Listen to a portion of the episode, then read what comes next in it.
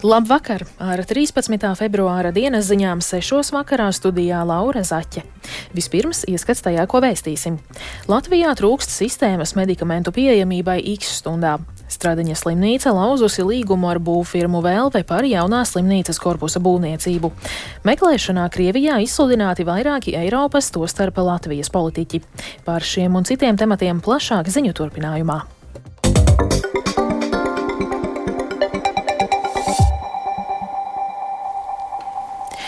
Latvijā joprojām nav izveidota sistēma, kas spētu nodrošināt nepieciešamos zāļu krājumus ārkārtas situācijās, kad starptautiskās piegādes Latvijā varētu būt traucētas. Šis jautājums ir īpaši svarīgs, jo Latvijas zāļu tirgū 94% veido importētie medikamenti. Kā stāsta ārste, neiroloģe un Ukrainas atbalsta biedrības Siču vadītāja Oksana Sičko, ir jāgatavojas karam un tad arī būšot miers valstī. Viņa aicina Latviju ņemt vērā gan Covid. Covid-19 pandēmiju, gan arī Ukrainas kļūdas, proti to, ka Ukraiņiem sākotnēji nesot bijušas izveidotas medikamentu rezerves. Es domāju, ka mums ir pašiem laba farmācijas industrija. Un es domāju, ka jāatbalsta savus ražotājus pēc iespējams, ko mēs varam jāražo un jāveido. Un noteikti jābūt ne tikai noliktavam, bet speciālam bumbu patvērsmēm, nu, tāds zāļu glabāšanai un noteikti jābūt vairākam vietam un varbūt pat nesaistītam ar slimnīcām. Tāpēc, mēs redzam, ka tieši iznīcina slimnīcas, iznīcina mērķiecīgi tieši krātuves vai infrastruktūru. Tāpēc nu, tāds būtu ieteikums.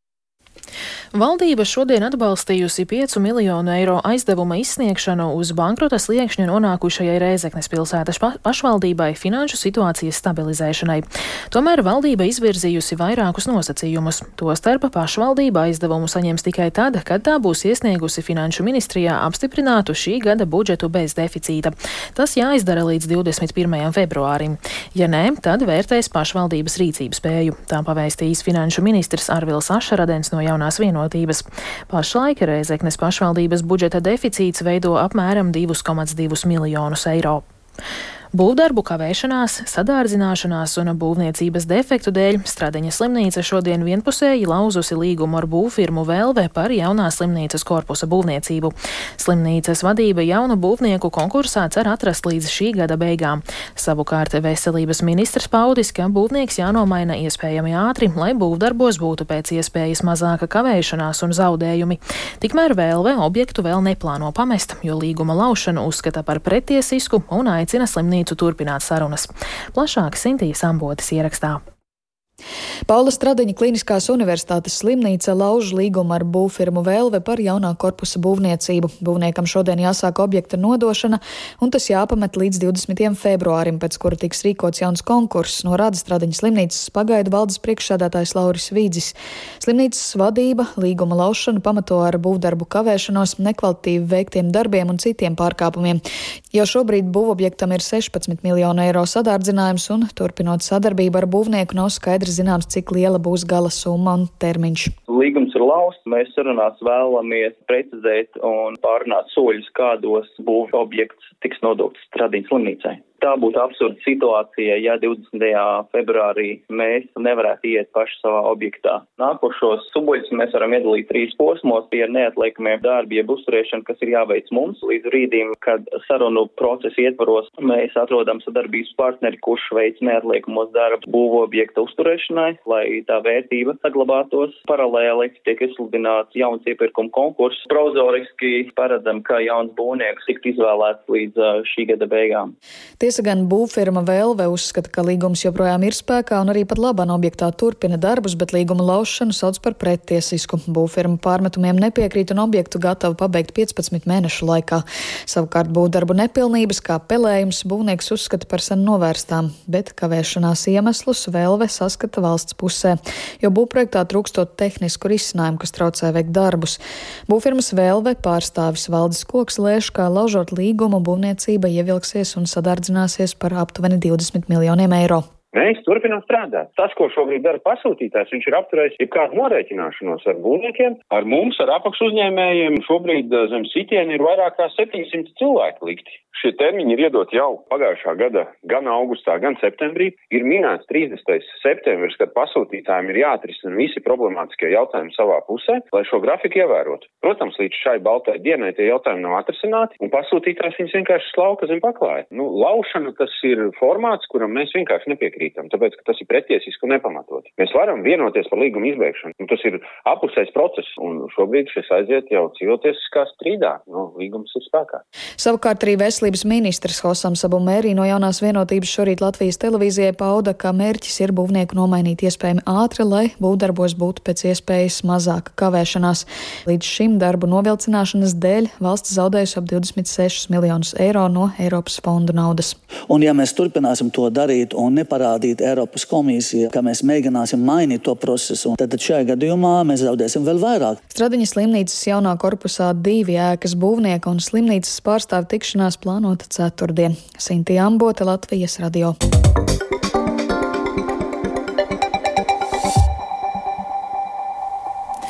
Armēnija un Azerbaidžāna šodien apsūdzējušas vienu otru apšaudēs uz valstu robežas. Erevāna paziņojusi, ka Azerbaidžānas armija nogalinājusi četrus armēņu karavīrus, bet viens guvis ievainojumus.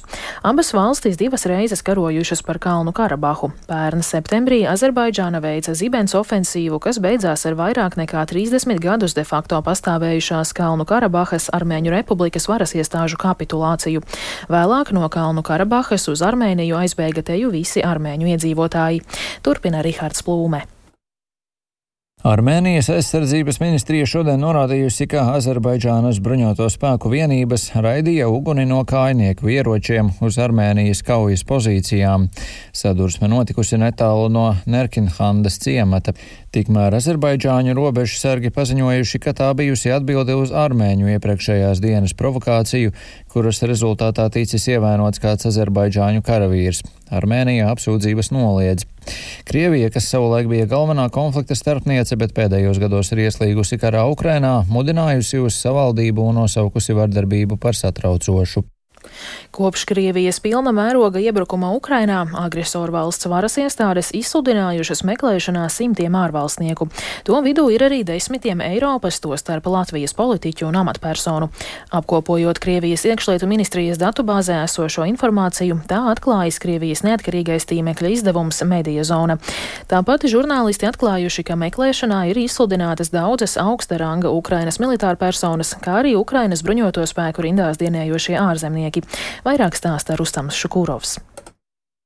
Jau 2022. gada martā parādījās lieta pret ukraiņu žurnālistu Dmitriju Gordonu, un nodaļas telegramu vietnes kanālā te jau katru nedēļu sāka parādīties paziņojumi presē par tās cīņu pret nacismu. Izpētot Krievijas iekšlietu ministrijas meklēšanā esošo personu datubāzi, Mediazona noskaidrojusi, ka denacifikācijas nodaļas darbības rezultātā ierosināti simtiem kriminālu lietu pret ārvalstniekiem. 22. gada maijā Krievijas izmeklēšanas komiteja paziņoja, ka pēc Bastrikina norādījuma izmeklētāji izvērtēs saimas rīcību saistībā ar balsojumu par izstāšanos no līguma ar Krieviju par pieminekļu saglabāšanu. Tas ļāva demontēt padomju pieminekļus Latvijā, tostarp pieminekli uzvaras parkā Pārdaugavā.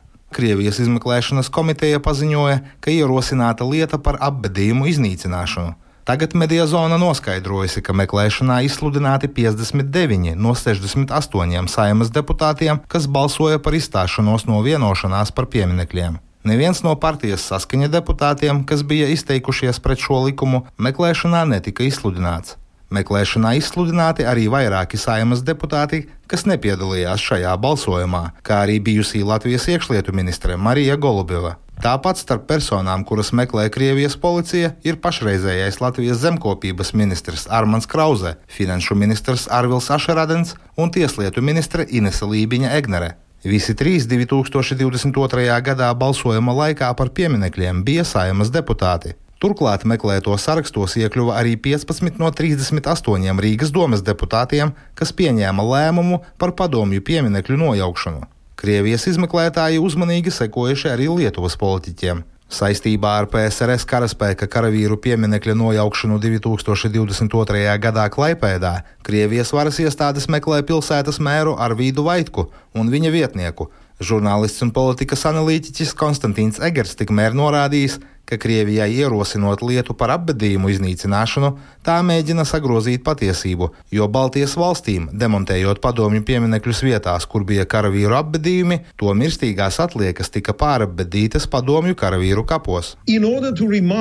Tas tiek darīts ar mērķi atgādināt pašmāju auditorijai, ka šī cīņa pret rietumiem, kā to raksturo Putins, ir arī cīņa par to, kas tiek uzskatīts par Krievijas svēto piemiņu. Jāmin, ka 2022. gada beigās Bast Strikins saviem padotajiem uzdeva pārbaudīt Igaunijas iestāžu atbildību par pieminekļa tanka demontāžu Narvas pilsētā. Pēc tam pirmo reizi vēsturē Krievijas meklēto personu sarakstā nonāca citas valsts valdības vadītāja, Igaunijas premjerministre Kaja Kalasa. Kopā ar viņu Krievijas meklēšanas sarakstos iekļuva arī valsts sekretārs Taimars Peterkops, Rustam Šukurovs, Latvijas radio.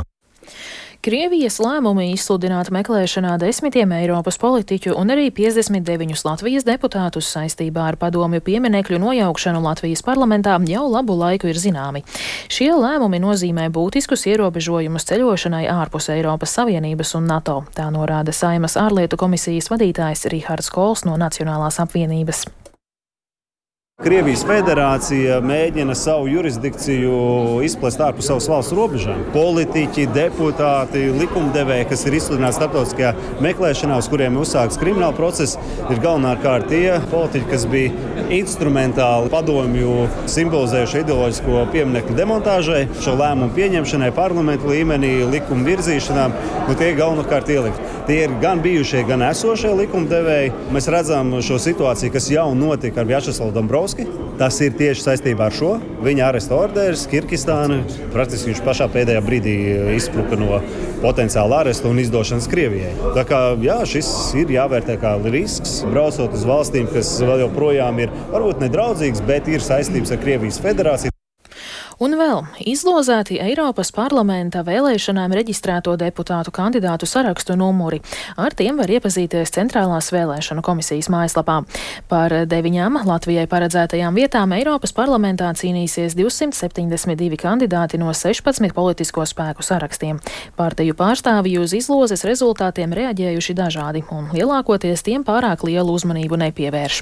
Turpinājumā Aleksandra Kirsteina no saraksta Tauta Zeme valsts un Jāņa Jāņa Reira no jaunās vienotības sacītais. Tauta, zeme, valsts nevērtē lielu nozīmi numuram, jo šis mums nav sprints, bet maratons. Paldies! Pieredze rāda, ka svarīgāk ir tie padarītie darbi, un es domāju, jebkurā veidā, jebkurā numurā būtu ļoti izdevīgi un labi startot ar valsts priekšlikumu.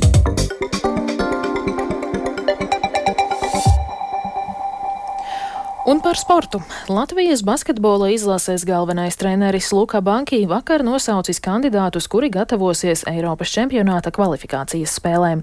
Šodien to izdarījuši arī Latvijas pretinieki Spānijas izlase, kurai sastāvā būs seši basketbolisti no pasaules kausa izcīņas. Turpina Lotārs Zariņš. Spānijas vīriešu basketbola izlases sastāvā Eiropas čempionāta kvalifikācijas spēlēs iekļauts arī saspēles vadītājs Rikijs Ruvio, ziņo Spānijas basketbola federācija. C grupā Spānija 22. februārī mājās tiksies ar Latviju, bet trīs dienas vēlāk viesosies Beļģijā. Sergio Skariolo vadītās izlases kandidātu sarakstā ir arī leģendārais Ruvio, kurš pērn pasaules kausā nespēlēja mentālās veselības problēmu dēļ. Šogad viņš vienojās par līgumu pārtraukšanu ar NBA komandu Jūtas Jazz un pirms divām nedēļām pievienojās treniņiem Barcelonas komandā. Ar to izskan 13. februāra dienas ziņas. Producents Viktors Pupiks ierakstus montēja Renāša Steimanis, pieskaņu pulcīveta zvejniece, bet studijā Laura Zaķe. Vēl tikai par laikapstākļiem. Rīgā šobrīd ir plus 2 grādi un pūža dienvidu vējš 2 m2, bet par turpmākajās dienās gaidāmo laiku stāstā Ilze Golubeva. Līdzīgi kā šodien, arī trešdien laiks būs pelēcīgs. Naktī teritorijas lielākajā daļā, bet dienā vietām gaidām nokrišņi. Arī atkal, bet valsts galējos austrumos stiprs sniegs. Naktī gaisa temperatūra svārstīsies no plus 2 grādiem kurzemes rietumkrastā līdz mīnus 4 grādiem austrum Latvijā. Savukārt dienā gaisa iesils līdz mīnus 1 plus 4 grādiem. Lielu izmaiņu laikapstākļos nebūs arī turpmākajās dienās. Debesis pārsvarā aizklās mākoņu un vietām tie atnesīs gan lietu, gan arī sniegu. Arī temperatūra būtiski nemainīsies. Naktīs valsts austrumos pieturēsies sals, bet dienu laikā termometrs tabiņš vietām sasniegs pat plus 5 grādu atzīmi.